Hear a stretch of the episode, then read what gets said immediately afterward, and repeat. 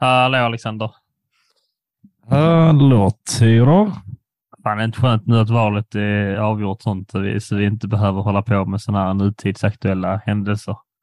Ja, det var riktigt intensivt där ett tag, så det känns som att nu kan vi ta några veckors ledigt och så, ja men eh, folk kommer inte, de kommer inte hinna sakna oss. De har fått så mycket. Ingenting som händer ändå, liksom. Det är lugnt.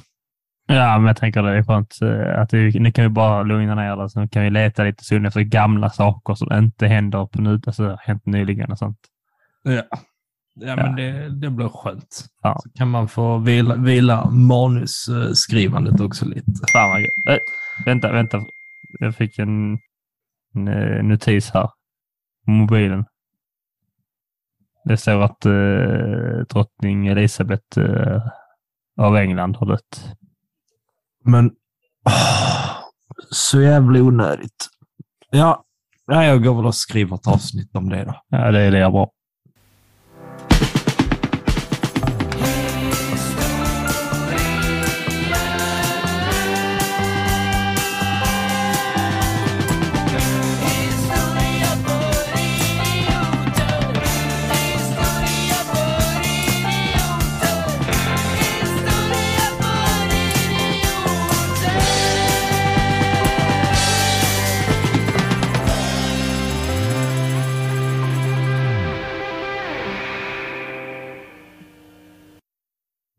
Då ska vi hälsa er alla hjärtligt välkomna till podcasten Historia för idioter. Podcasten om historia på ett lättsamt och roligt vis. Med mig, Teodor Olsson och min vän Alexander Riedel. Jo, jo. Jojo with the hose hose. Yes, välkomna I'm a hit. Cool kid now. Yes. Yes, so much cool. Detta är som sagt eh, podcasten om historia på ett eh, lite lättsamt och lite småroligt vis. Eh, tänker att vi är eh, historiepoddarnas eh, motsvarighet till Dassboken. Exakt. Eh, Att och, det, är bara, det är bara små barn som vill få lite pengar till en sparkcykel som kommer att ge er det där contentet mot er vilja. Det är väl inte småbarn som säljer Dassboken? Jo, men det är en sån jultidningsgrej. Är Dassboken med där? Ja. Nej, det tror jag inte på. Här är det en killgissning på gång. Nej, nej, jag har sålt jultidningar och eh, jag vet för att eh, i min familj gillar man dassboken. jag tror du skulle säga att det är, det är vi och Dassboken som är det enda media man bara konsumerar på toaletten. Exakt. Men det stämmer inte sen mobilerna, mobilerna kom. Det är få som pratar om hur mobilerna dödade dassboksindustrin. Många eh, familjeöden som gick åt helvete där. Ja. Och på tal om tragiska familjeöde. Hur mår du idag, Theodor Olsson? What the fuck? Ja, vilken av alla de menar du på nu? ja, Väldigt men fritt. eh, trots alla mina tragiska familjeöden så mår jag väldigt, väldigt bra. Eh, ja. Det är lite raspig i halsen känner jag nu. Upplever som jag låter sexigare än vanligt så kanske det är någon som tänker, nej, det kan du inte göra. Och, och så, men det kunde jag. Eh, Det är därför jag är lite raspig i halsen. Så jag bara låter lite så mystisk och lite så, mm. Mm, hallå! Hallå! Det är ingen rökrasp, utan det är något annat. Hur mår du Alexander? Jag mår, jag mår ganska bra. Jag är bara lite så här små, småhustig. Hösten gör sig Ja, påmind i mina eh, fysiska utrymme där i, bakom näsan och lite i munnen så blir det lite mustigt i form av snor. Mums. Ja, den hösten gör sig påminner mina eh, fysiska utrymmen också. Jag brukar alltid gå upp i vikt på hösten, så jag blir lite mustigare. Ja. Winter is coming, så att säga. Ja, då är det viktigt att man håller sig varm. Men Oh. en, På tal om värme. Vad säger du om elpriserna? De är helt sinnes... Nej. Ja. What? Nej! Du Nästa. Ska? Vi ska, nu ska vi bara ha en podd som bara är en segway till annat. Men du, du som ändå ska flytta hemifrån för första gången nu, lagom när utbildningen är färdig sånt, du får ju smaka på elpriserna ändå. Fast du har Ja. aldrig vetat något annat, så det för dig kanske blir så här, så här, det är så här livet är. Ja. Ja, hemskt. Det Hemskt att uppleva livet som det är. Det funkar. En annan som fick uppleva livet som det är, det är ju drottning Elisabeth. Ja, mycket fick hon uppleva. Ja, ja. Det är ju, eh, och nyligen så var det ju så här som vi eh, berättade då att hon eh, gick eh, tyvärr bort, eh, hastigt bort, eh, 96 år gammal. Det är gammalt. Ja, det, det är ganska gammalt. Eh, och hon har då varit med om ganska mycket får man ändå säga. Eh, jag såg massa, ma massa saker på intranätet om att hon har upplevt hela fyra stycken Batmans. Eh, ett, eh, ett världskrig och eh, flera presidenter. Så hon bara varit där och varit en glad prick. Eller hon kanske gjort så under tiden. Det kan inte stämma att det bara är fyra stycken Batmans för att jag är typ inne på min tredje. Ja, ja, jag vet inte när Batman började sändas på tv. 66. Kom filmen, så jag tror 62 typ, kom nog första Batman-serien. Okej då. Så att då hon var typ så här, Adam. Adam West, Michael Keaton, Val Kilmer, Clooney, Christian Bale, Batfleck och Battinson. Men för... Ja, ja. Sitter, sitter och ljuger för... Och det var veckans ljug! Det kanske vi ska säga också att nu eh, har vi fått några nya lyssnare som har kommit in här via den politiska vägen. Eh, Så är vi på väg tillbaka till vårt lilla gamla koncept här där vi eh, pratar om historiska människor eller skeenden och just idag kommer vi då prata om eh, eh, drottning Elisabeth eh, som ändå får anses vara en historisk individ. Eh, Och ännu mer nu efter sin bortgång. Eh, och då tycker vi var passande, som alla andra eh, medier eh, gör, så ska vi också sticka ut hakan och vara lite eh, annorlunda och, och göra likadant som dem. Ja. Eh, men då kan det vara så här att det kan eh, komma något som kallas för veckans ljug. ja, fast inte idag. Inte idag. Eh, För det är, när det är biografiavsnitt som ändå ligger lite i nutid, då brukar vi inte ha veckans ljug. Mm. För det brukar vara dig lite själv. på gränsen till att kunna bli det osmakligt. mesta jag säger, ja det tänkte jag på det också, men jag var tvungen att förvarna för att Alexander har snickrat ihop något saftigt, eh, ett saftigt lögn. Nej, men nästa avsnitt, då jävlar. Precis, precis. Då kommer Eh. ni få allt. Allt det klassiska historia för idiotandet. Härligt att höra. Nog om det, nog om nästa avsnitt. Eh, så kanske vi ska sätta igång med dagens avsnitt. Alexander, vad säger du om det? Ja, ska vi swisha oss in i det förlovade historiska landet med kunskap och kärlek och dramatik och lite inavel. Va? Nu, nu, nu har vi blivit hit swishade. Wrong lät det. Eller hur Theo? Ja, det var en sån medieval fire arrow. Ja, cool sound effects. Eh, Då måste vi börja, ställa den sedvanliga frågan. Theodor, vad är din relation till eh, drottning Elisabeth? Jag har, jag har ingen. Det, är väl, eh, det var en tant som visades på SVT2 ibland. ja, men det, är så, det är väl lite så vi uh, unga svenskar har, har eh, för relation till uh, monarker överhuvudtaget. Vi har ju knappt någon relation gener, generaliserar jag, men vi har väl knappt någon relation till vår eh, monark mer än att, eh, att kungen eh, är en liten rolig figur som man ibland hör talas om. Eller så har man sett Peter eh, Magnusson göra någon imitation i Hey Baberiba. Eh, Ja. ja. Och, eh, och då ännu mindre av eh, drottningen. Då. Men man vet ändå om att hon finns och hon eh, är ändå någonting som man vet har alltid, känns som hon alltid har funnits. Och att hon då är regent över flera länder, inte bara Storbritannien. Mhm. Korrekt, korrekt. Va, vad, är din, eh, vad är din syn på monarkier i övrigt? Det känns som att det här tycker du inte om.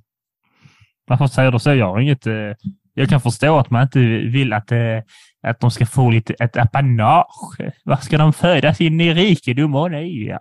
Men jag, känner, jag kan förstå den tanken, men kan också, jag gillar ändå det. Jag gillar det traditionella lite också. Han ska vara där, han är vår statschef. Jag kung, han ska vara där och eh, få brev från andra statschefer när det händer något hemskt. eh, jag vet, jag kan... Eh, jag har inte så mycket emot faktiskt. Det Jag orkar han får inte. brev när det händer något ledset. Han fick ju det eh, när det var där terror på Drottninggatan. Så fick Ja. ju skicka till exempel Putin sina condo, vad heter det, condolence. Ja, Eh, jag tror du var på väg att säga något helt annat på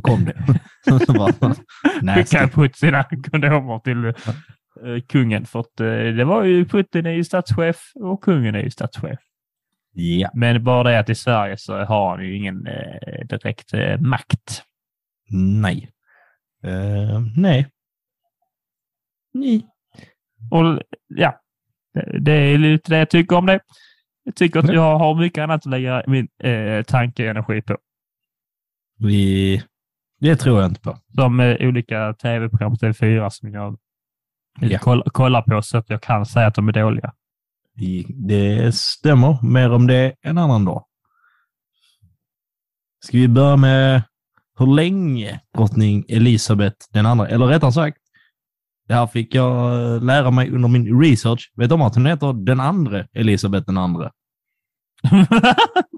Ja. Vilka skratt. Där finns, där finns en, eh, där finns en annan Elisabeth som har hetat Elisabeth den andra, så att rent tekniskt sett så heter hon typ så här, den andra Elisabeth den andra.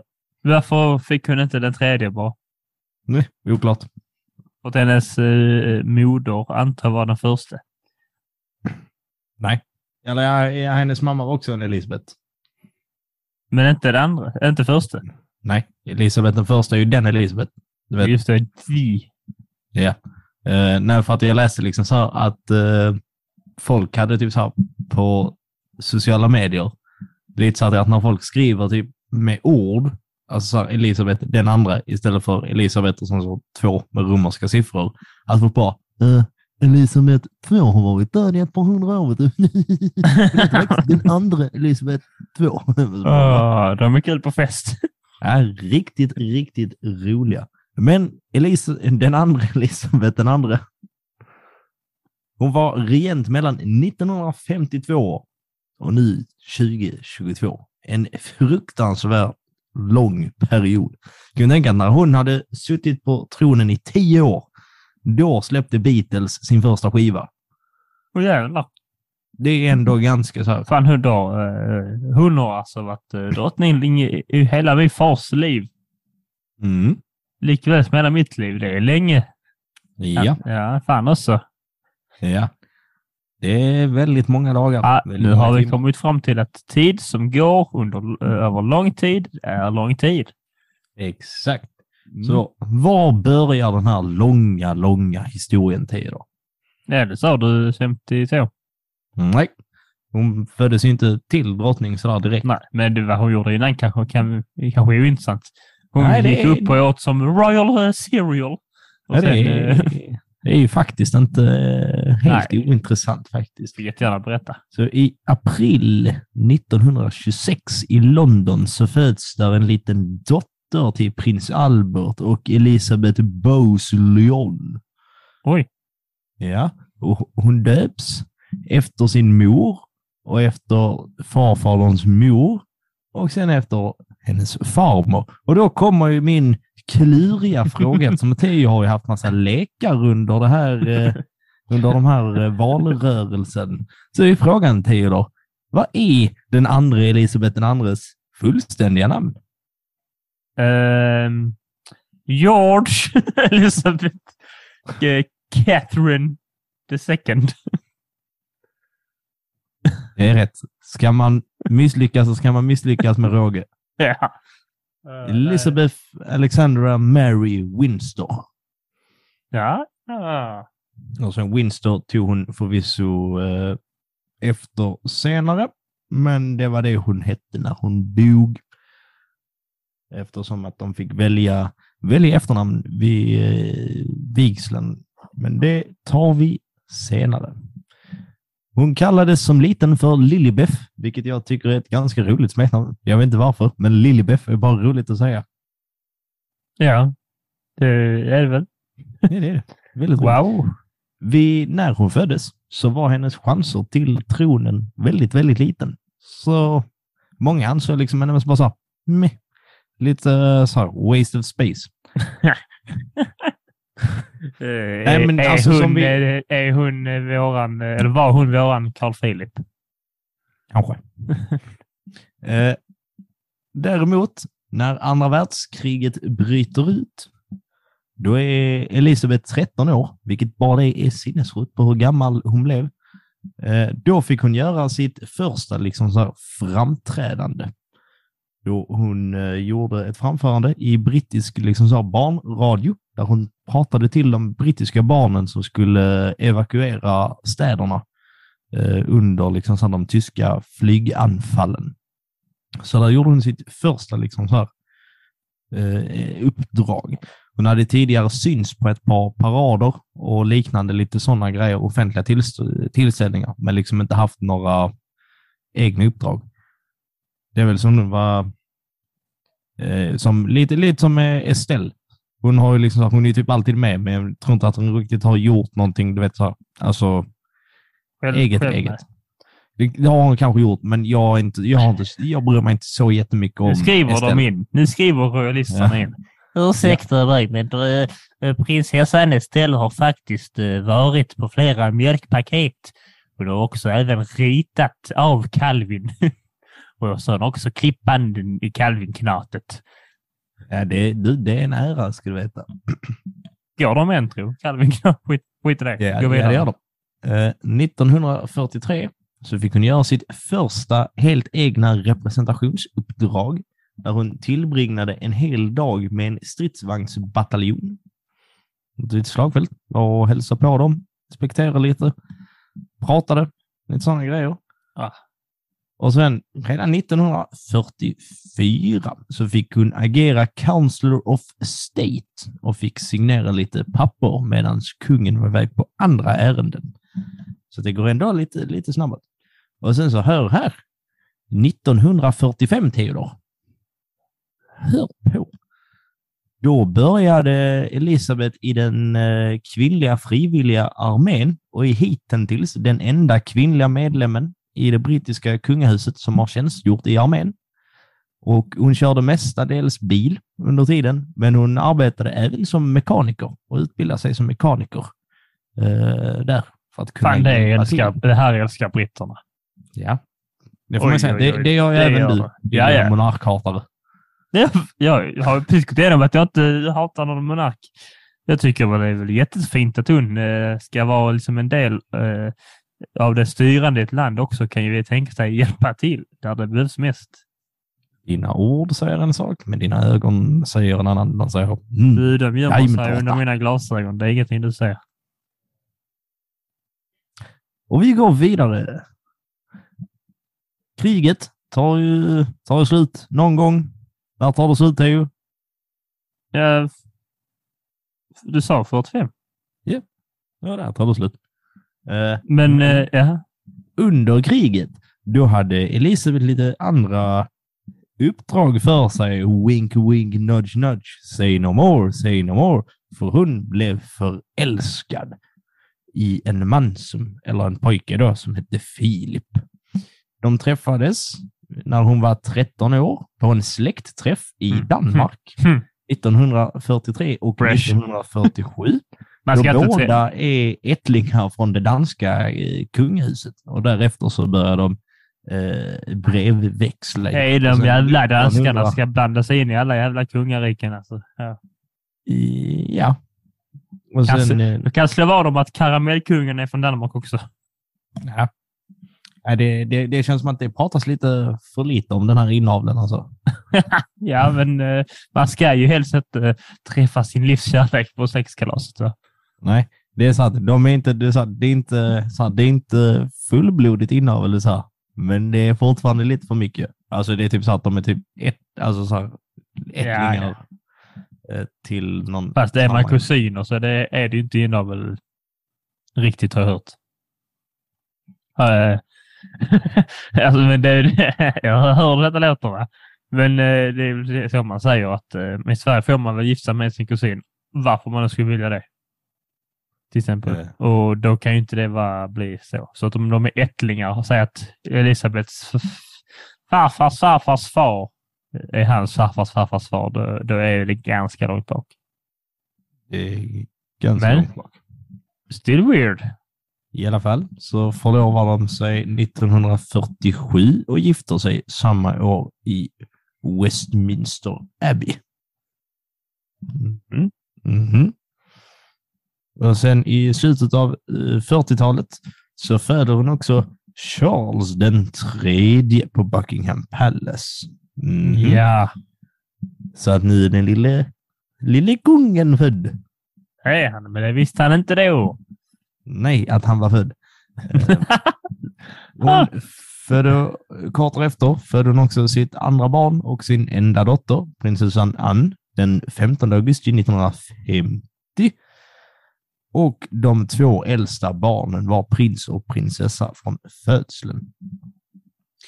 Eh, hennes eh, far, alltså Elisabeths far då, eh, kung George den sjätte, eh, hade mindre än en vecka före prins Charles födelse tillkännagivit att prinsessan Elisabeths barn skulle vara prinsar och prinsessor från födseln. Så det hade han bestämt. Vad snällt av honom. Ja, Det känns som att jag kommer kunna bestämma att eh, mina eh, barnbarn kan bestämma. De kommer bli fattiga vid födelse. Ungefär så långt min makt eh, kommer. för farfar har spelat ut varenda dugg på travet. Ja, jag ska bli en som travgubbe när jag är gammal. Mm, Ja. fint. Eh, däremot i början av 1950-talet så blir kung George han blir sjuk i lungcancer och Elisabeth får ta över sin fars roll och ämbete tillfälligt. Bland annat så åker hon på en jorden runtresa. Och sen så den 6 februari 1952, går ganska snabbt framåt här. Japp, då var det Bye Bye Georgie Boy. ah, Trist. Så för det er som så, inte eh, förstod så gick kung George bort. Det gjorde Men- han.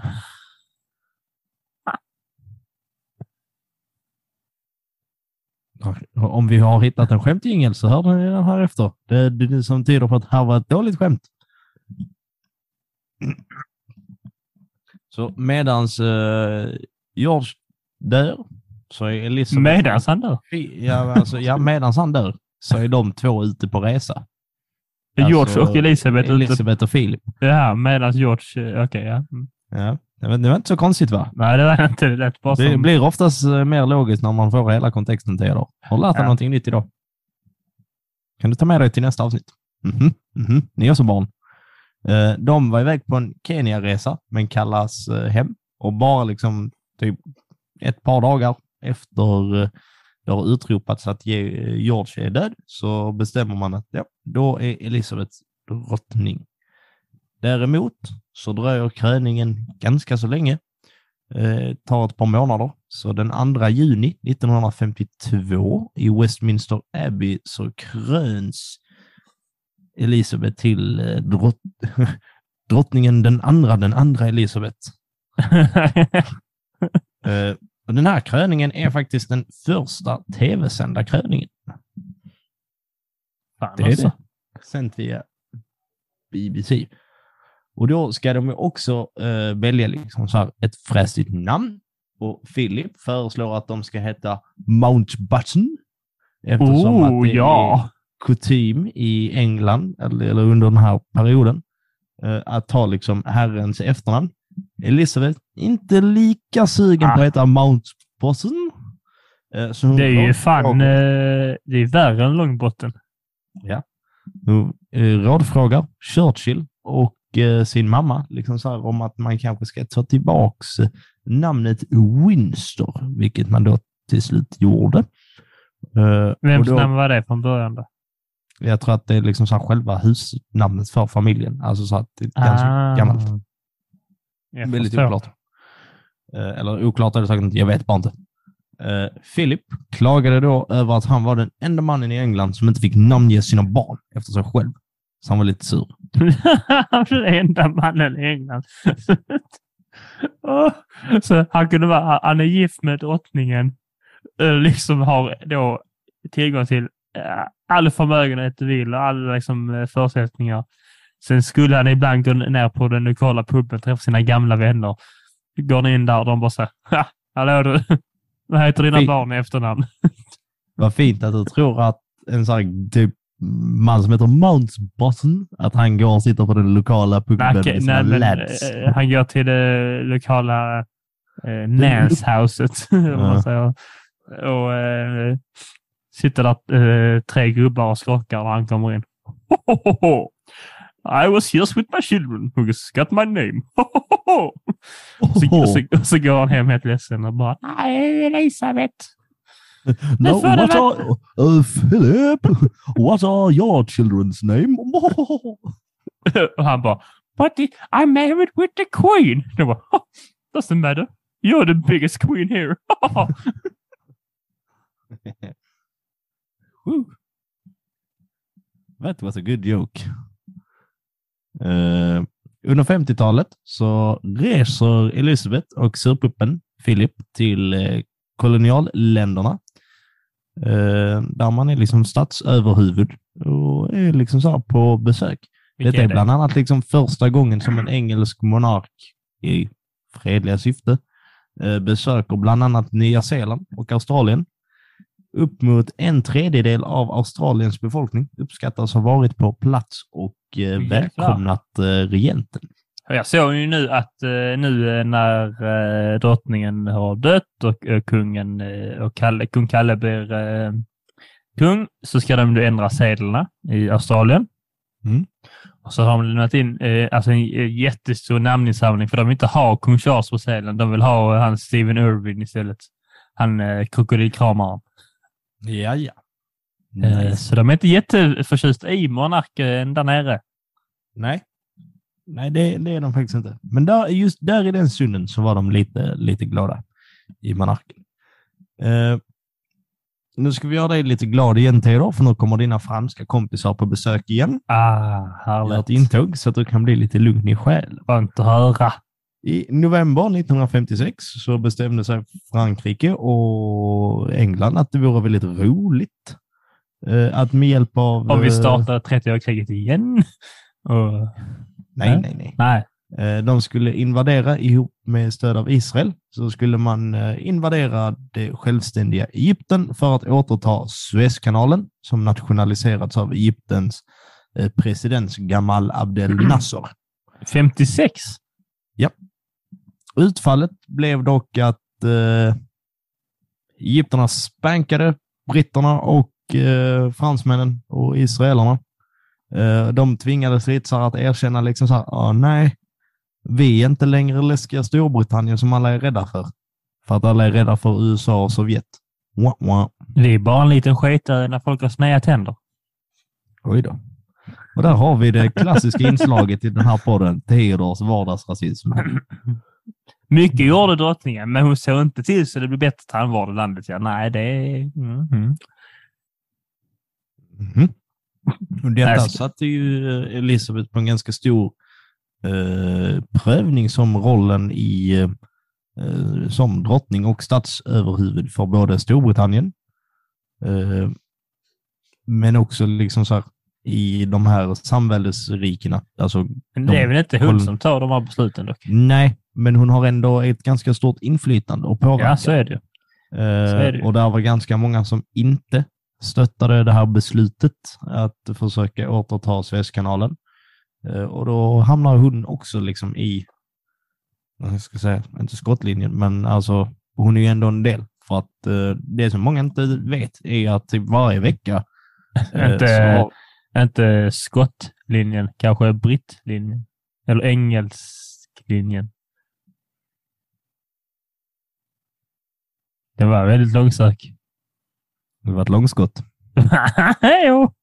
Hejo. Mm. Eh, nej, men eh, det som många inte vet är ju liksom att eh, drottningen har liksom typ veckosamtal med premiärministern och ger lite råd och du säger likartat. inte att det fortsatte så med Boris.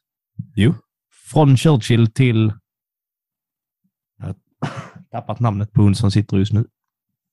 Ja, jag kommer heller inte på det faktiskt. Vi kommer till henne senare. Liz, då kommer jag komma Liz ihåg. Taylor. Ja, något sånt. Nej, l- Något åt det hållet. Liz Ja. är det i alla fall.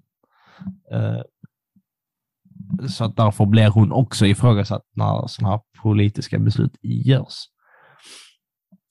Un- 1960 börjar ganska starkt. Kläcker fram Prince Andrew. Trevligt. Och 1964 så kläcker hon fram prins Edward. Ganska trevligt. Under 1960 och 70-talet, eller en bit in på 70-talet, så börjar avkoloniseringen. där flera länder i Afrika och Karibien blir självständiga. Vissa blev dock sådana här samväldesriken, eller Commonwealth, som det heter på engelska, eh, där landet typ blir, själv, alltså så här, blir typ självständigt, men drottningen är liksom fortfarande statsöver, statsöverhuvud. Ja. Eh, så att den processen, eh, ja, händer eh, under 60-talet ganska mycket. Och sen så är hon ju och besöker dem och pratar lite och gör den typen av ärende. Eh, 1966 så var det ju den stora eh, sorgen och eh, it's, it got home för det engelska fotbollslandslaget på hemmaplan. När de vann VM Jaså? 1966. Det är senaste gången va? Uh, ja, det är Härligt. också enda gången. Ja, ja det är ju en, en gång mer än eh, Sverige eller? Har vi vunnit någon gång? Nej, vi har kommit tvåa 58 och trea 94. Ja, det låter de aldrig oss glömma de jävlar. Nej, det är det enda vi pratar om i det här landet. Det är det. Eh, Truss heter hon. Liz Truss. Ja, Eller är det Liv Truss? Liz tror jag Eh, Eh, men eh, hon var och delade ut VM-pokalen i alla fall, som togs emot av Bobby Moore när de vann eh, VM hemma på Wembley. Hon ska ju ha varit en ganska stor fotbollsentusiasm. fotbollsentusiast. Den här drottningen var ganska ofta på matcher, redan långt, långt innan engelska ligan blev Premier League och den stora miljardindustri det är idag. Utan liksom så här, typ sen 60-talet, alltså 50-60-talet, så finns det gamla, gamla bilder på henne när hon är där. Innan hon blev rynkig. Och innan man började skämta om att hon är äldre än bröd. Eller skivat bröd. Det är rätt många som är äldre än en limpa skivat bröd. Ja, inte en limpa skivat bröd, men konceptet skivat bröd. Aha. Aha. Denkodor. Eh, 1970 så besöker hon Jugoslavien och blir mottagen av Tito. Ja, det är ändå lite stort. Och, och just de här besöken. Jag tänker att nu har Theo varit lite för tyst och han har lite, han har mest fått störa sig. Så nu, nu blir det en svår fråga till Theo. Vad tror du den här typen av statsbesök eh, gör för eh, påverkan? Vad, vad har de för syfte och sånt där? Det har som syfte att eh, bilda och stärka goda relationer länderna emellan. Eh, det är lite även det vår konung gör faktiskt här i Sverige. Eh, sköter goda samtal med andra regenter, statschefer och eh, i kungariken här ute i världen. Eh, och har eh, framför lite eller vidbehåller då som sagt goda relationer. Mm. Exakt. Så det blir ju alltid lite så här politiskt när eh, kungahusen är ute och rör sig, men det säger också lite eh, om man jämför med var de har eller inte har varit och var de liksom så här sen befinner sig, så blir det liksom sånt, att ja, men ett statsbesök kan vara ett tecken på liksom så att länderna börjar, börjar närma sig och knyta an till varandra på ett helt annat sätt. Däremot i Rhodesia däremot, aj, aj, aj, så vill Ian Smith, när han nekade den brittiska begäran om att ge rösträtt till den svarta majoritetsbefolkningen. Aj, aj, aj.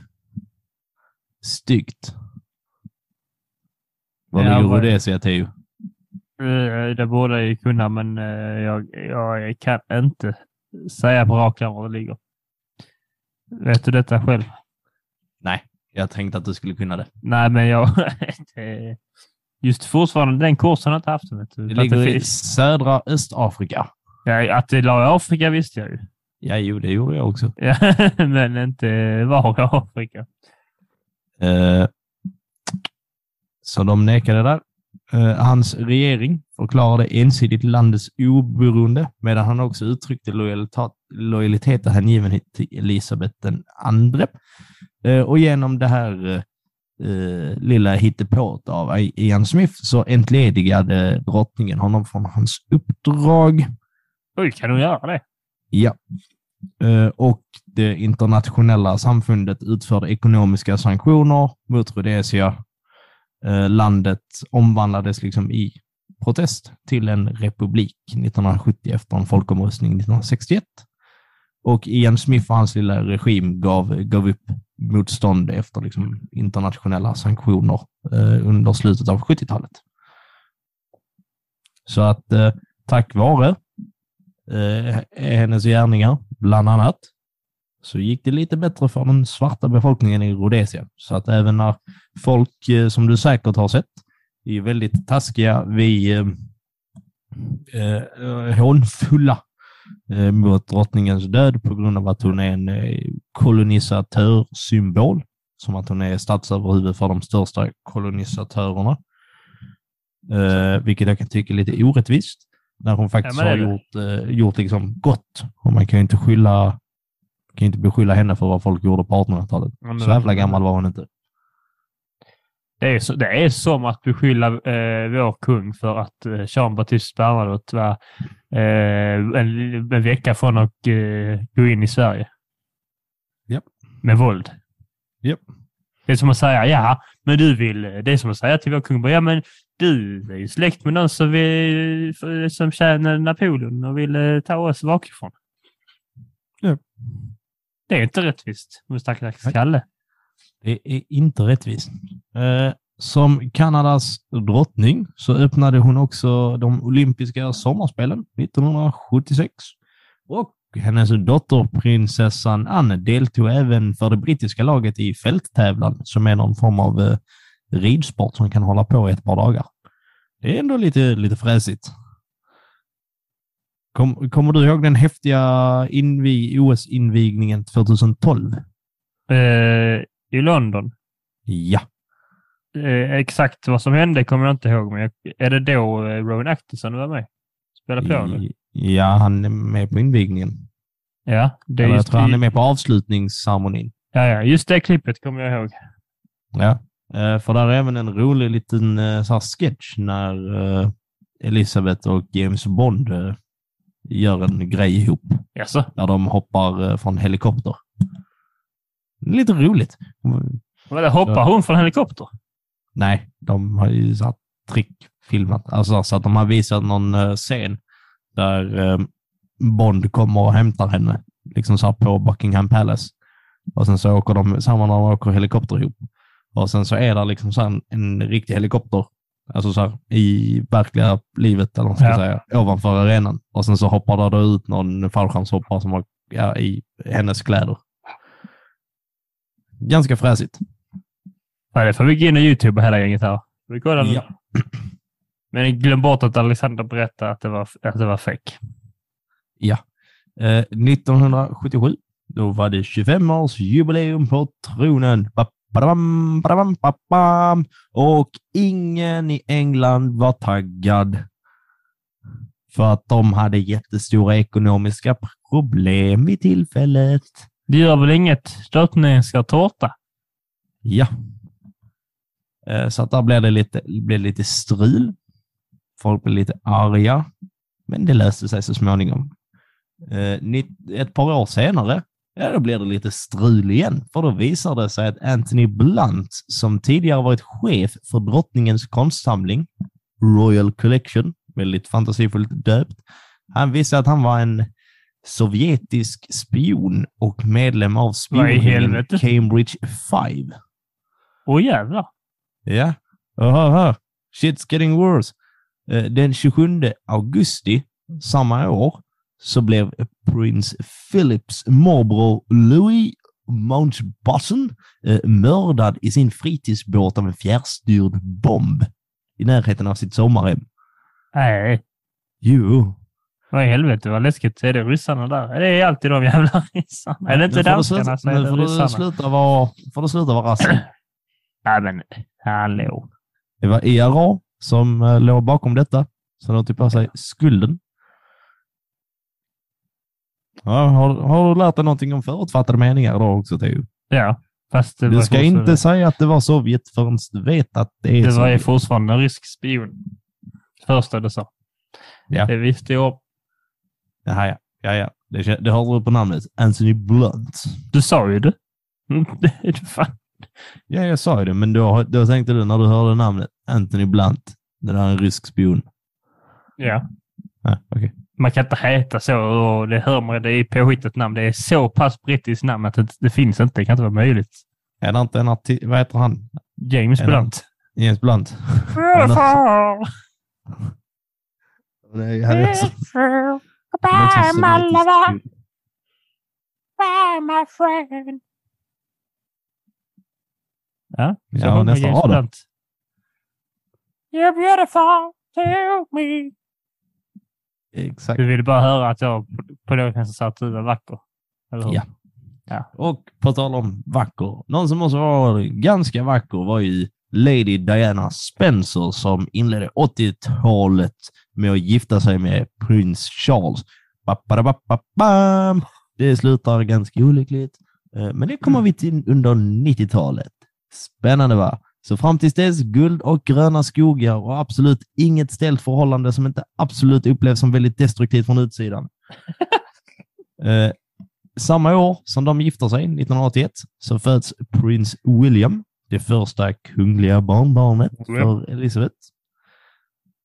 Eh, däremot, slutet av 80-talet, då är ju Margaret Thatcher eh, premiärminister och då är tidningen Sunday Times iväg och skvallrar lite eh, om att eh, drottningen inte riktigt helt övertygad om Thatchers ekonomiska politik och tyckte att hon blåste på sociala konflikter i landet.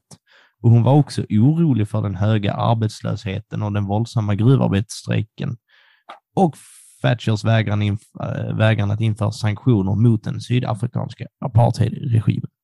Så där fick Thatcher lite på tafsen av drottningen. Så, där får man ju ändå säga att hon ändå står lite... tafsen, det var ett nytt uttryck. Nej, det är ett gammalt, uttryck- eh, gammalt uttryck. Jaha, Att få på tafsen. aldrig hört talas om. Men där får man faktiskt säga att, eh, att eh, drottningen ändå står på rättvisans sida.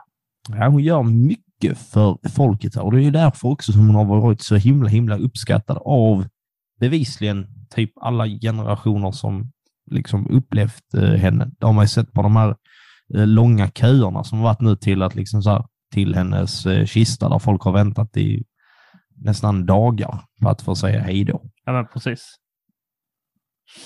Och sen nu jäklar, nu händer det grejer på 90-talet. Är du beredd? Ja, det börjar 90 va? Och sen kommer 91. Det är en grej. Så 92 Nej, faktiskt inte. Nej, inte här. Här börjar, här börjar faktiskt vår lilla historia 92. Eh, Detta var enligt drottningen själv ett eh, annus horriblis, ett horribelt år. Som hon sa i sitt... Eh, Sa hon annus horriblis? ja, hon, det var så hon beskrev året. Vill du höra vad som eh, hände under det här året? Ja. I mars så separerades, separerade hennes andra son, prins Andrew, från sin fru. Det är, det, är- det är inte hela världen. I april så där, sig prinsessan Anne från eh, Mark Phillips under ett statsbesök eh, till Tyskland i oktober. Så kastade demonstranter kritiska mot den brittiska bombningen av staden under andra världskriget ägg mot henne i Dresden. Men vad fan. Och slutligen i november så bröt en stor eldsvåda ut i Windsor Castle, ett av drottningens liksom så här residensbostäder. Ehm, det är det som man, när man, in, om du tänker på ett brittiskt slott och det inte är Buckingham Palace eller Hogwarts, så är det Windsor Castle. Det är Storbritanniens liksom största slott eh, som höll på att brinna ner. Och i december samma år så separerade äldsta sonen och tronföljaren prins Charles från sin fru Diana. Kritik framfördes under samma år mot att drottningen är fan helt befriad från att betala skatt. Vad är det här för någonting? Ja. Hur eh, kommer den Samtidigt- kapitalistiska vågen ikapp? Samtidigt som skattebetalarna förväntades att betala återuppbyggnaden av Windsor Castle. Mm, Okej, lite... lite Mitt hus brann ner. Det får vi ta skattepengar till. Ja, men då bidrar alla, inte jag. Ja. För att de har ju inte, alltså att uh, kungahusen lever ju inte enbart på liksom uh, apanage. utan de har andra inkomster också. Eh, från olika, olika jag, vet inte riktigt var, jag vet inte riktigt var de har sina pengar placerade, men, eller vad det är de faktiskt gör. Men det är likadant som alltså, vårt svenska kungahus. De tjänar också pengar på annat sätt som inte är Ja, men det kan jag tänka mig. bara är liksom själva apanaget. Och då är det lite så att, ja, men då ska ni väl också betala skatt som vi annat lössläppt pöbelsfolk. Så att den 11 november 1993 så meddelade premiärministern John Major i, i då underhuset att drottningen liksom inkomster från hertigdömet Cornwall till prinsen av Wales skulle på frivillig basis börja inbetala skatt från april 1993. Ja. Kan vi bara stanna lite vid hur fantastiskt det är att en premiärminister heter Major i efternamn? Och var så, leende lite var så här, varför kunde det inte bara vara typ så här borgmästare? ja, men det fick det högt. John, det, att heta John Major, så här, Major John Major, det är lite som att heta den andra Het- drottning het- Elisabeth den andra. Hette han John Mayer? Ja. Vad heter, vad heter han eh, gitarrspelaren? John Major. Ja. Han heter det med E tror jag. Ah, ja. Då så. Ja, då är det lugnt. Och sen under eh, också tidigt 90-tal, hoppar lite fram och tillbaka här i åren, men det är för att försöka göra det så tydligt som möjligt. Vem tror du att hon besöker då? Vi tänker, vad händer 1990? Sommaren i city. Kommer du ihåg den? Ja, Men jag jag vet inte eh, vem hon besöker då, vad som händer då. Är det Sovjets ledare? Exakt. Sovjet går ju på pumpen. Ja. Och vem Mm. tror du att hon besöker då? Putin? Vem? Putin? Talar som, Vad sa du? nu talar som man hör Påg. Putin? Hon besöker väl inte Putin då? Han var väl knappt född? På 90-talet? Ja, han var ju född, men Han har väl suttit skitlänge, har han inte det? han var väl inte så mycket att säga till om. Ja, men han är ju inte, han är inte direkt efter. Nej, det vet jag inte vem det är. Det vet den här. Va? Hon besöker ju de eh, före detta satellitstaterna i Va? Sovjet. För de har hon ju inte fått besöka tidigare. Jag tror, man- jag tror du, du efter en gubbe. Nej, Ja, jag var lite disträ här också. Jag har spillt lite vatten på mitt eh, skrivbord så att, eh, jag skulle bara se till så att inte eh, det, exploderar här. Så elpriserna gick åt skogen helt enkelt. Eller mina elkostnader. ja, men då har du sparat in pengar på fyrverkerier. Det är sant. Vad hette det? Stjärnstaterna? Vad sa du? Eller Hette det så? Satellitstaterna, Satellitstaterna. Vad är det för något? det är, det är typ Ukraina. Alltså de länderna ja, som okej. Sovjet eh, tog över och som gjorde, ingick i Sovjet. Ja, så Men Polen liksom- också då. Ja. Så hon besöker dem. Hon hade ju inte tidigare fått besöka dem i och med att det hade varit liksom för västvänligt Ja, i, just i det. de här satellitstaterna, så det gick ju inte att göra. Så att så fort möjligheten fanns så, eh, så gick, eh, ja, så gjorde hon ett besök där. Mhm, mhm. 90-talet slutar ju med den här eh, skilsmässan eh, mellan Charles och eh, Diana. Och eh, den slutar är 96 och sista augusti 1997 eh, så dör ju prinsessan Diana i en eh, bilolycka i Paris. Där hon eh, dör ihop med den dåvarande, eller så här, den nya pojkvännen. Dodi Fayed. Eller Fade.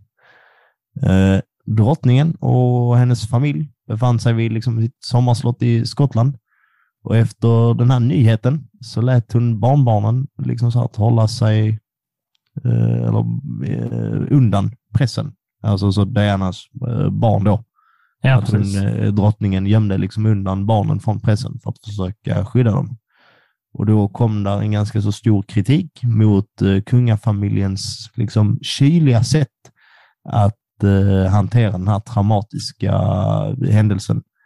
Och sen så flaggade de inte heller med liksom så här, eh, på halvstång vid Buckingham Palace. Jag tycker ändå att eh, hon verkar lite klok, eh, den här eh, Elisabeth. Just så här Mm. barnbarnens skull. Bara säga, ja men skit i vad de säger nu. Bara ta det lugnt här. Liksom. Ja, väldigt smart. Och den här kritiken med den halade stången, eh, det är ingen tradition som finns vid eh, monarkins residens. Så det är ingenting som man har gjort tidigare heller. Så att kritiken kan ju tyckas lite orimlig när man ändå får tänka att en, det är en farmor som skyddar sina barnbarn helt Ja. enkelt. Och vad man vet om brittiska tabloider så är det ju att de inte är jättenice. Och till slut så fick ju Elisabeth gå ut liksom i pressen efter att premiärminister Tony Blair liksom hade satt lite, lite press på eh, drottningen. Så hon gick ut och höll liksom ett, eh, ett tal eh, i tv för att lugna liksom situationen. Vilket man ändå får säga, det är bra gjort. Och sen ska det ju, jag är inte så himla insatt i den här konflikt, alltså de här inre konflikterna som har varit i, i kunga, kungahuset. Där är ju nu mellan, vad är det, är det William och Meghan? Eller det den Mm, andra? Harry och Meghan är det väl. Harry och Meghan. Som har Eh, gått ur eh, Ja. familjen, eller vad man ska säga. Ja, där det har varit massa, massa bråk i typ så här de senaste två åren. Eh, och likadant ska det ju ha varit mellan drottningen och Diana. Det var inte riktigt heller smärtfritt. Nej. Eh, de, hela den situationen. Det fanns väl massa konspirationsteorier att det var eh, anlagt eh, mordet. Det hade varit mord på prinsessan och inte en bilolycka och sånt. Ja. Som florerade och säkert florerar. Ja, Konspirationsteorier ja, där- har vi inte ont om nu för tiden precis. Men däremot 1997, det skulle inte vara den enda skilsmässan och eh, bortgången för det brittiska kungahuset. Kungaskeppet HMI Britannia skulle bli en politisk fråga. Huruvida det skulle moderniseras, renoveras eller bara tas helt ur bruk. Så den nyträdda regeringen i oktober 1997, ja, de bestämde liksom att det här fartyget, det ska tas ur bruk för att kostnader, äh, de är för höga bara. Så att drottningen fick säga nej till sitt lilla kungaskepp som man tidigare, alltså långt, långt, långt tidigare eh, hade eh, ja, men åkt på sina, ut, inte utflykter, men du vet så här ärende på. Det känns väl onödigt. bruk sedan typ innan hon var liksom född. Alltså, Man kan hennes- förstå att det känns onödigt nu när eh, de kanske flög till olika länder så att Ja, men hon ska, hon ska tydligen ha blivit väldigt, väldigt, väldigt, berörd och ledsen av att, där, att de tog väck båten. Ja. Vilket det är lite gulligt. I know my ship. Ja. Eh, däremot, kungaskeppet, eh, det är numera ett museifartyg som står i Edinburgh. Så hon kan, jag skulle säga hon kan gå och titta på det när hon vill, men det kan ju inte längre. Åh, Alexander. Ja, men det, Hon kunde i alla fall gå och titta på när hon vill. Nu, fast det vet vi inte. Vi vet ju inte vad som händer efter döden. Hon kanske kan smyga omkring där och spöka. Och tänker du att en, en gammal posh brittisk tant eh, spökar? Istället, det är inte boo, utan det är boo. Eller vad tror du? Hur låter ett gammalt brittiskt spöke? Bow, yo begart. I got you there, mister. Jag, vill, jag väljer att ta, jag tar arbetarklassbritten. Jag tycker de är roliga. Eh, under 2000-talet så händer ju lite det ena och, eh, och, det, och det andra. Eh, Wow, great story bro. 2012 så, eh, nu ska vi säga här, den 18 december så besöker hon 10 Downing Street på inbjudan av premiärminister David Cameron och Mm. blev den första brittiska monarken att delta i ett kabinet, kabinettssammanträde sedan 1781. Oj då. Mm. Är det när de sitter och skriker på varandra? Jag tror det är så det är, ja.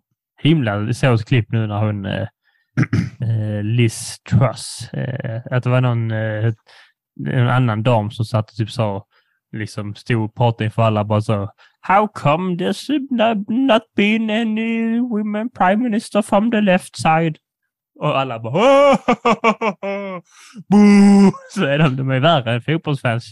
Står de där och så går hon upp och bara hehe, that was pretty funny. och så står de och bara øh, kastar, ja, lite som det här klippet på dem eh, som man brukar spela efter någon lagt en, en medioker diss. När någon eh, kille hoppar och skriker och så. Exakt så är det på eh, där inne. Det är rätt Nytt- fräckt. Nytt segment. Theo förklarar videoklipp. Men förklarar ett annat videoklipp. Ja, men där är de som förstår vilket klipp jag menar. Ja, jag förstår precis vilken du menar. Ja. Eh, sommaren 2015 så genomförde Elisabeth och prins Philip ett statsbesök till Tyskland. Det var hennes femte besök under hennes tid på tronen. De var inbjudna av eh, förbundspresidenten Joachim Gauck. Eh, vad då ingen visste var att detta var det, eh, liksom, sista resan som drottningen och prins Philip skulle göra ihop. Jaha. Åh, är det prins Philips eh, bortgång som det finns ett klipp som presenteras i sån eh, radiokanal där de, de, liksom eh, bara spelar sån dunka-dunka elektromusik. Så spelas en så dunk, dunk, dunk och precis innan droppet så bara We are sorry to announce the death of Prince Philip och sen Ja, Kan vi klippa in det också om vi... Ja, det ska vi kunna göra.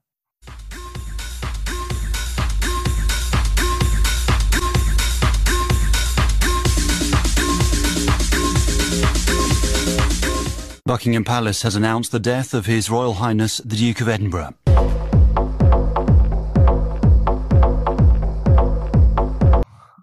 Uh, för det, det är faktiskt ganska roligt. Det är väldigt tragiskt, men det är också väldigt, väldigt, väldigt roligt. Eh, uh, 2017 så firade drottningen 65 år på tronen. Wow! Och detta firade prins Philip genom att pensionera sig från sina officiella uppdrag. Härligt. Ja. Och sen i mars 2019 så valde drottningen att sluta köra bil på allmän väg, vilket känns som en viktig detalj. Vad innebär det? Vad har hon? Har Ja, hon, hon har säkert, hon har säkert en liten bilbana hon har kört på någonstans ute på landet. Eh, detta gjorde hon efter att hennes make hade varit inblandad i en trafikolycka. Du hon och, han, det Stig från Top Gear, kör racear bara på Top Gear-banan ibland när ingen ser. Det Ja, tror, men jag tror hon är det Stig. Det hade inte förvånat mig. Eh, däremot, hon är den enda kvinnan i Storbritannien som får lov att köra bil utan körkort. Ja, det är klart. Lagarna gäller väl inte henne, antar jag. Nej, men det är ändå lite så här roligt. Det är så här bara, meh. För där, där är det ändå lite så här... Alltså, du kan, fort, du kan det? fortfarande ha ihjäl folk. Ja. Jag, Får vår kung göra det? Jag vet inte om man får göra det utan körkort, men jag vet ju att han inte kan få typ så här, traf- alltså så här, han kan typ inte få Han kan inte bli- trafikböter, alltså så här, Han kan inte straffas. fortkörningsböter och sånt. Likadant som diplomater kan heller inte få det tydligen. Det är märkligt. Det är märkligt. Eh, och sen, eh, ja men där i 2019 så slutar ju nästan uh, historien. Uh, eftersom att det var pandemi och då, då såg man inte mycket av dem, bortsett från det här bråket mellan Meghan och eh, det är väl snarare Meghan och eh, drottningen då. Ja. De var ju med i eh, en intervju med eh, Oprah Winfrey Ja. där de pratar lite så eh, illa om drottningen kan man väl säga. Ja, det är inte jättepositivt. Nej.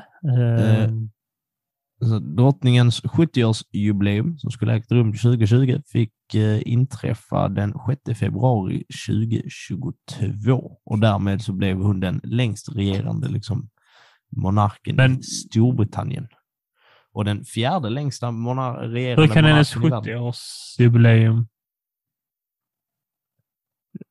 varit 2020? Ja, för att jag skrev fel i mina anteckningar. Ja, det var ju 20 det- så hon blev regent 50 då. Va?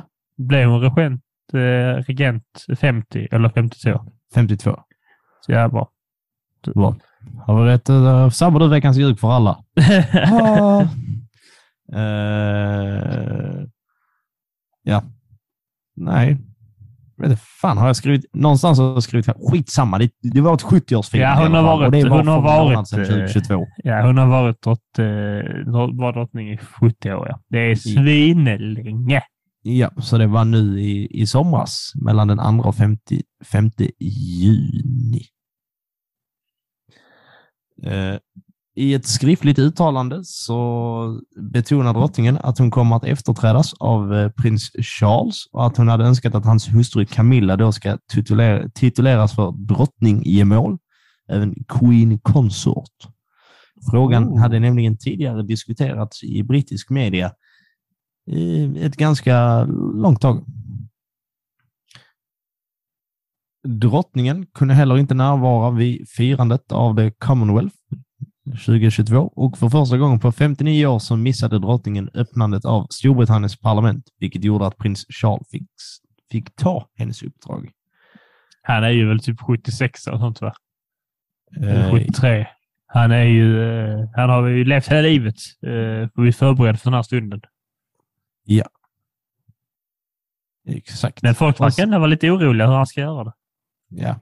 Det har varit snack om att han ska, om, om han ska låta sin son eh, göra det istället. Ta över Men istället. det känns som att han kommer bara bli typ en Asterix i... Alltså så här, vad, vad, ska han, vad ska han göra liksom? Vad ska han hinna, hinna liksom påverka? Ja, men det känns som att det är, det är ju lika bra typ ändå bara liksom. Nej, jag är för gammal. Det är bättre att de, alltså efterkommande får liksom så mycket tid som möjligt. Ja, men Eller om man bara håller på det tills deras, alltså tills hans barnbarn liksom har blivit äldre. Ja, just det. Så skicka in någon 18-åring där. Nej. Men alltså så att, eh, så att barn, barnen kan liksom så här få vara med sina föräldrar utan att de ska iväg. För att skillnaden på att vara liksom prins och kung är ju ändå ganska, ganska rejäl i ansvarstagande. Så att han kanske väntar, alltså sitter tills han typ dör, vilket han väl ändå lär göra hyfsat snart. Uh, Nej, det är inte säkert. Barnbarnen liksom har blivit vuxna. Men det kan ju vara i alla fall 20 år till innan han dör. Ja, ja men så hoppar han av tidigare. man vet? med mycket. Ja, det får ju Ja. bara framtiden eh, avgöra som sagt. Och då kommer vi ta det i, eh, i eh, nutidshistoria, eh, eh, historia, eller vad kallar det. Framtidshistoria. Det, ja, just det. Ja, precis. Eh, Den 13 juni 2022 så blev drottningen den näst längst regerande monarken i världshistorien. Imponerande. Vem är längst? Ja, det kan man fråga varför jag inte har kollat upp det. Sluta ställa så svåra frågor då. Eh, Det är ju underhåll publiken. Ja, men det är ju så här att eh, drottningen satt i 70 år. Och då undrar man så här, vem satt längre än det? Det kan inte vara någon. Är det Brasiliens konung? Är det Eh, eh, eh, Nya Zeelands eh, konung? Nej, det är inte, för det är ju drottningen. Haha, den var ni inte med på era små lurefixare. Men jag tror detta är konungen av Luxemburg. Eh, kung eh, kung Chalam von Stratt eh, som satt i hela 75 år. Eh, det tror jag, men eh, där är någon som säger till mig att det stämmer absolut inte. Eh, utan det är drottningen av Pelargonien. Eh, det är inget riktigt land. Det är en eh, Youtube-video man kan kolla på. Ska vi, ska vi, eh, ska- vi dra en sån här giss, att du får gissa på topp fem-listan här över regenter? ja, men jag, Så gör vi en liten, avslutar vi det kan vi Ja, göra, men en eh, liten, in, in, för sen ska vi gå igenom några viktiga punkter som varit med och påverkat. Vi kan- och, jag och kan ju inte- Ska vi dra en liten lek nu? regenter på namn, så att säga. Men det får väl vara länder då, helt enkelt. Eh, ja, det kan du ju försöka. Okej, vem, vem, var sitter mannen som varit längst? Var var han? Eh, är det ett europeiskt land? Ja, Är det Luxemburg? nej, Är det Liechtenstein? nej, Ehm, är det Schweiz? nej. Jättedålig på det här. Österrike? Nej, det är jättedålig. På- Är det påven? Louis den En fjortonde. fransman? En fransman. som satt i 72 år och 110 dagar. Herregud. Är det Ja. Solkungen? Nej, han levde väl i två minuter typ.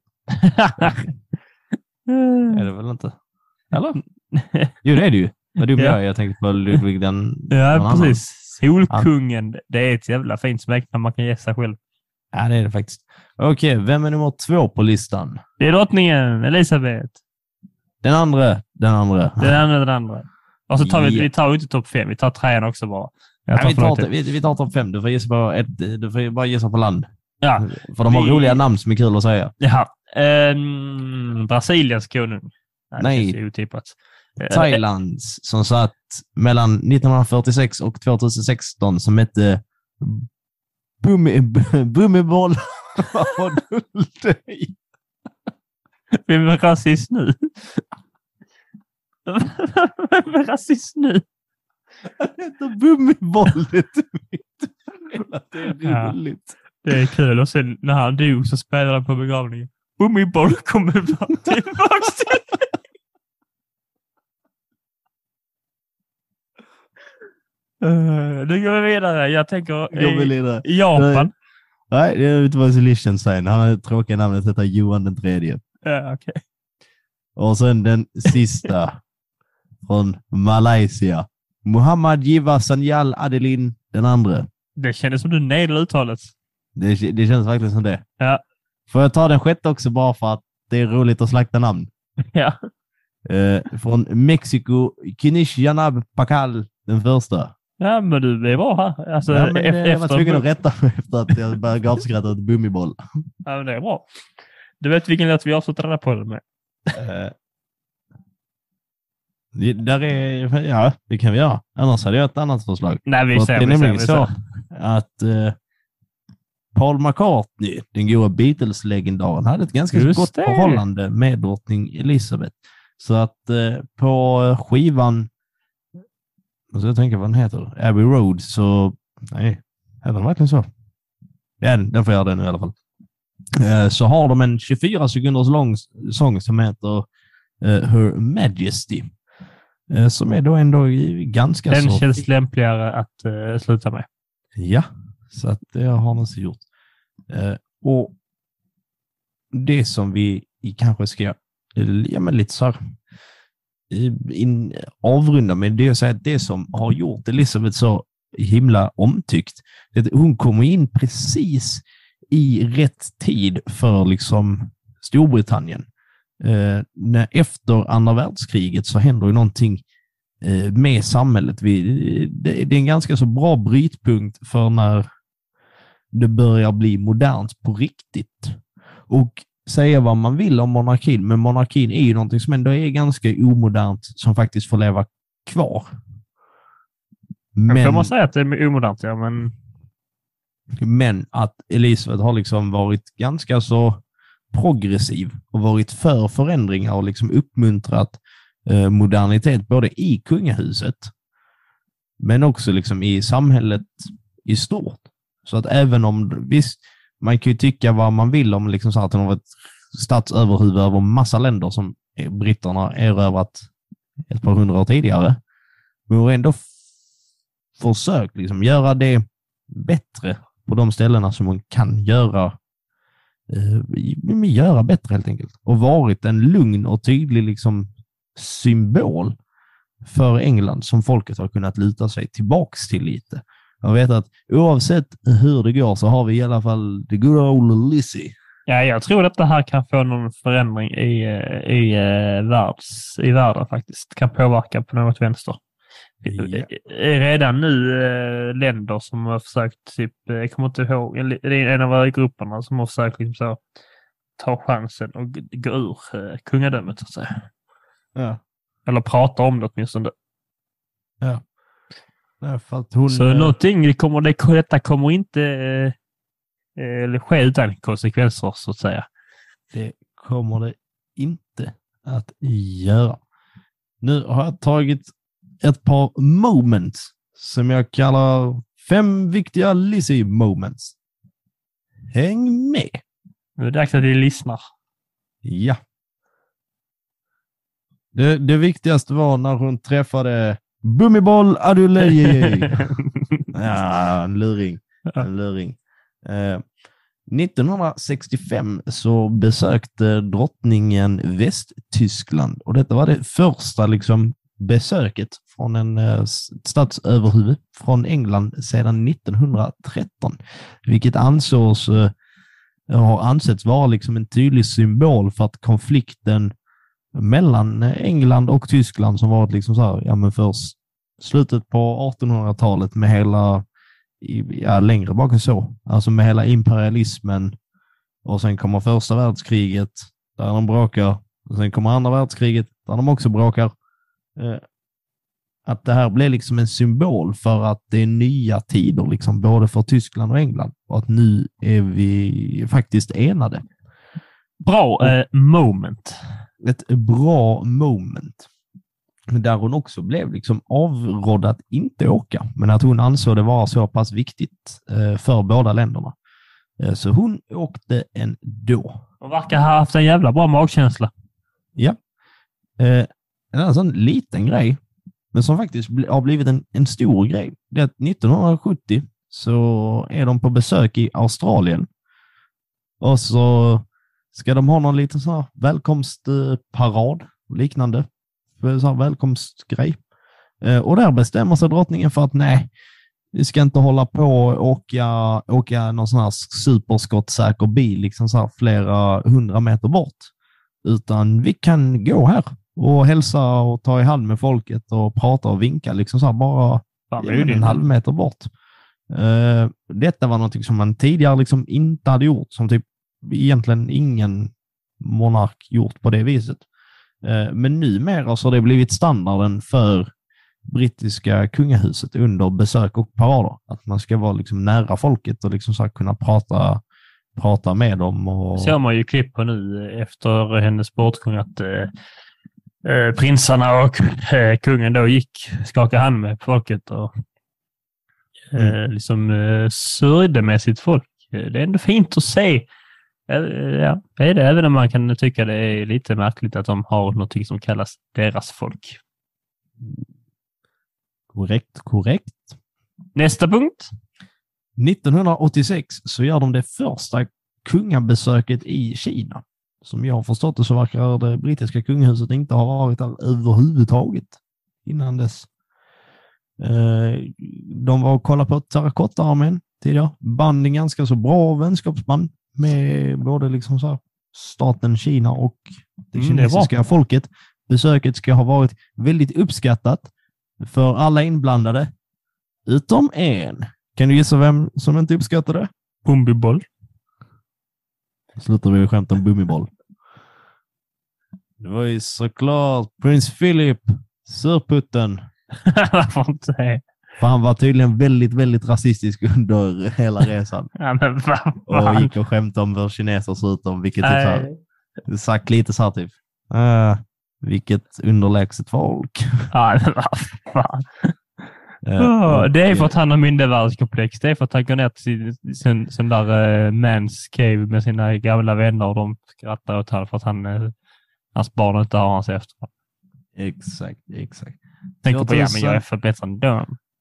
2011 så gör hon det liksom första brittiska statsbesöket på över 100 år på Irland. Och Irland. Ja, där de blir inbjudna också. Eh, Det har, vi inte, det har vi nog inte pratat någonting alls om podden, så det kanske vi gör någon gång under hösten eller snart. Men Irland och England har en fruktansvärt stökig historia. Där England väl Ja, har de. Lite typ mobbat Irland när man kan.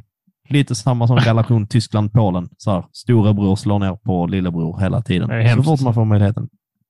Eh, Det är ju därför också som man har ju sett alltså, att det är många på Irland som har varit väldigt kritiska och liksom så här, nu när typ hela ön har sådana sorgeband och liknande, att de är liksom så här, eh, ja men fuck henne liksom. Mm, så, ja, varför ska vi sörja, tänker de. Det, ja. Ja, men att just där då så var det väldigt liksom uppskattat och försök att eh, bringa de två liksom så här varandra närmre. Och sen så den sista punkten, det har vi redan varit inne och pratat lite om, men det är just den här moderniteten. Eh, bland annat så hjälpte hon till liksom att få bort den här, eh, vad heter det, stigmat eh, kring skilsmässor. Där hon tyckte att det var väl onödigt att eh, liksom så leva i en relation som man inte trivs med. Lätt Där att man- säga när eh, tre av ens barn har behövt skilja sig. Förutom jag säkert arka svin hela högen. Nej, det vet jag inget om. Ehm, nej, men alltså just en sån grej kan ju få liksom en ganska stor...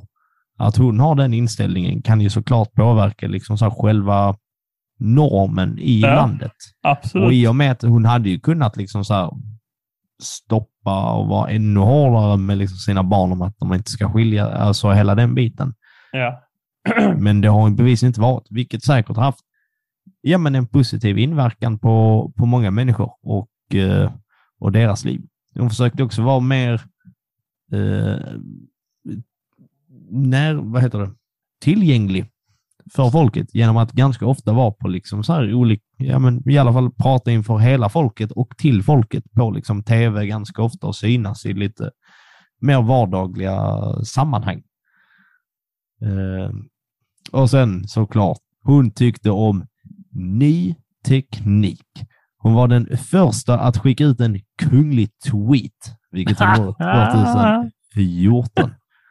Ja, nu, Och, och, hon, hon är, hon är ändå ball. alltså.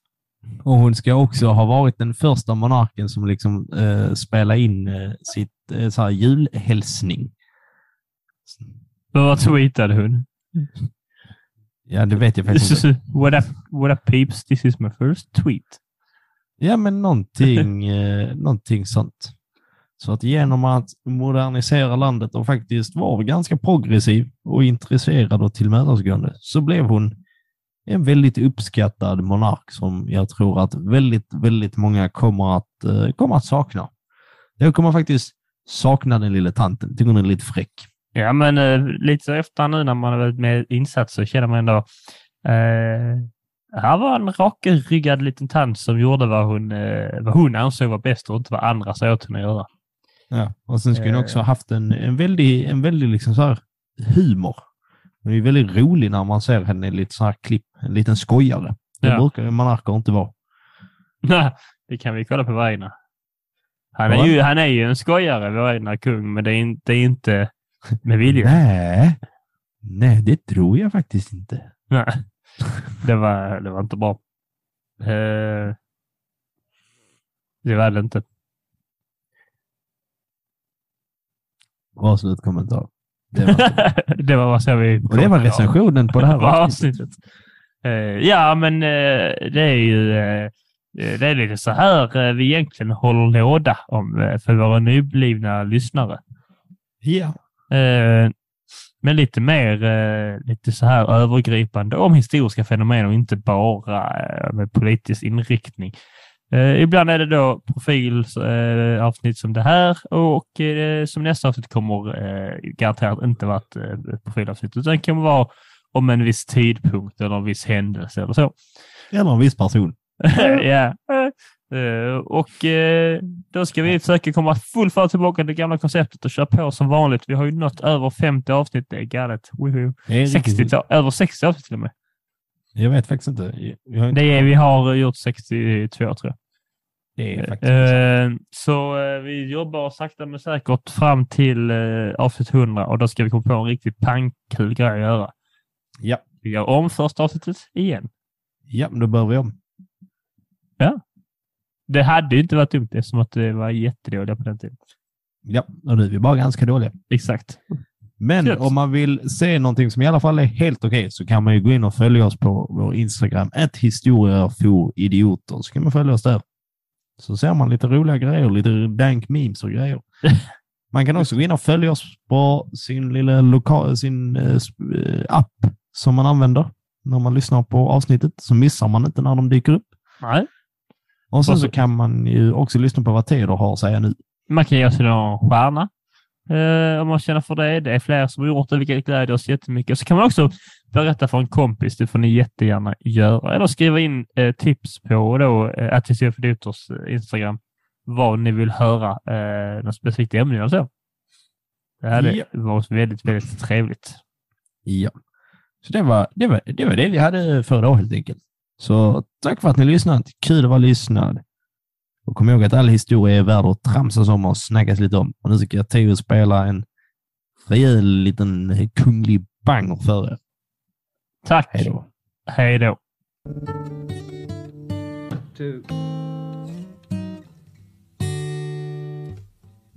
Her Majesty's Her Majesty's a pretty nice girl, but she doesn't have a lot to say. Her Majesty's a pretty nice girl, but she changes from day to day. I wanna tell her that I love her a lot, but I gotta get a belly full of wine. Her Majesty's a pretty nice girl, someday I'm gonna make her mine, oh yeah.